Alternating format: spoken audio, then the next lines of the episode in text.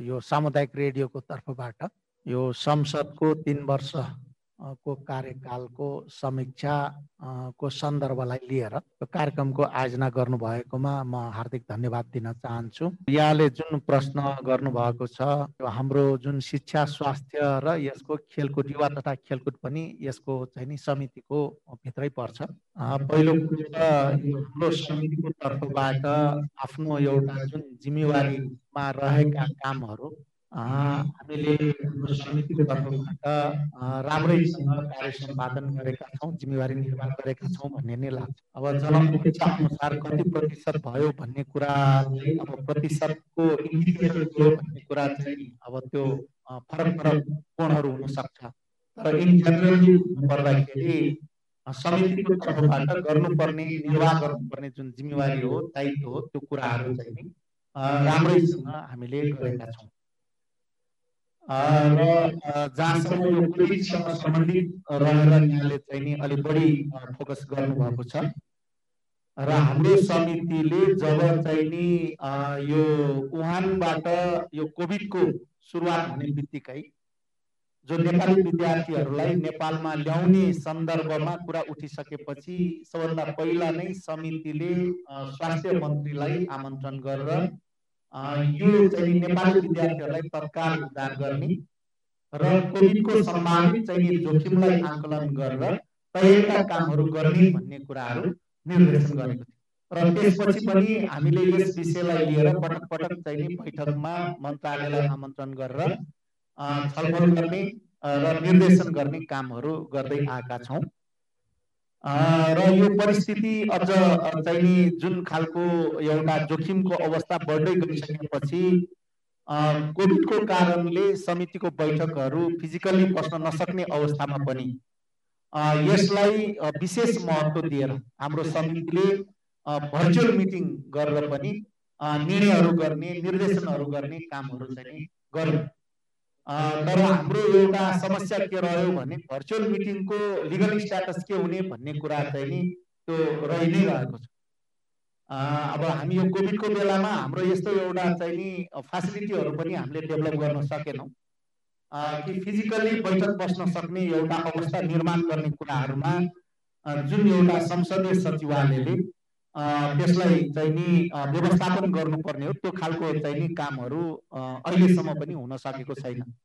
र हामीले चाहँदाखेरि पनि त्यो एउटा चाहिँ नि जुन सरकारले तयार गरेको मापदण्ड विश्व स्वास्थ्य सङ्गठनले तयार गरेर आएको मापदण्डलाई पालन गरेर जोखिमबाट बचेर हामी बैठक गरौँ भन्दाखेरि त्यो खालको वातावरण हामीले पाउन सकेका छैनौँ। त्यो एउटा हाम्रो समस्याको रूपमा रहेको छ त्यो परिस्थितिमा पनि हामीले भर्चुअल मिटिङहरू आयोजना गरेर र यो कोभिड सम्बन्धमा नै विशेष हेर्ने गरेर सरकारले गरेका काम कारवाहीहरू सम्बन्धमा निरीक्षण गर्नको लागि एउटा चाहिँ नि उपसमिति नै हामीले बनायौँ।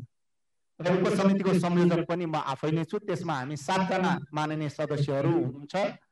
र त्यो उपसमिति मार्फत हामीले यो कोभिडसँग सम्बन्धित रहेका सरकारका निकायहरू सबैसँग छलफल गर्ने निरीक्षण गर्ने र मलाई लाग्छ कि यो कोभिड पछिको अवस्थामा त्यसैभरि एउटा चाहिँ निरीक्षणमा जाने सबै प्रदेश सरकारहरूसँग बैठक गर्ने स्थानीय तहसँग बैठक गर्ने र ल्याबहरूको अवस्था के छ भनेर निरीक्षण गर्ने आइसोलेसनहरूको अवस्था के छ भनेर निरीक्षण गर्ने त्यहाँ रहेका कमी कमजोरीहरूलाई चाहिँ नि एउटा सच्याउनको लागि निर्देशन गर्ने र मन्त्रालयलाई पनि यस सम्बन्धमा चाहिँ नि आमन्त्रण गरेर कहाँ कहाँ के के खालको अवस्थाहरू छन् र त्यसलाई चाहिँ सुधार गर्नुपर्ने के के कुराहरू हुन्।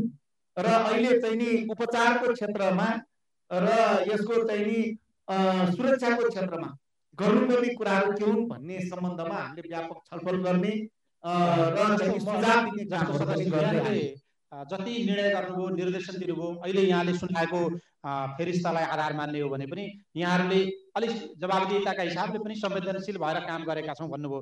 तर यहाँहरूले जति निर्देशन दिनुभयो त्यो निर्देशन पछाडिको अवस्थालाई अलि त्यो विषयमा अध्ययन गरेर प्रतिवेदन कुनै अध्ययन तपाईँहरूको समिति मार्फत सभामा पेस गर्नुभयो। हामीले यो एउटा चाहिँ प्रारम्भिक प्रतिवेदन उपत्यकाको निरीक्षणपछि हामीले प्रारम्भिक प्रतिवेदन दियौँ र प्रतिवेदनको आधारमा मन्त्रालयलाई समितिले निर्देशन दिने कामहरू पनि भयो। र त्यसपछि हामीले यो प्रदेशहरूमा निरीक्षणमा गयौँ र प्रदेशहरूमा निरीक्षणमा गइसकेपछि त्यहाँका अवस्थाहरूको बारेमा हामीले उपसमिति आफैले पनि मन्त्रालयलाई आमन्त्रण गरेर ती कुराहरू चाहिँ नि जानकारी गराउने र सुझाव गर्ने र निर्देशन गर्ने कामहरू पनि गऱ्यौँ।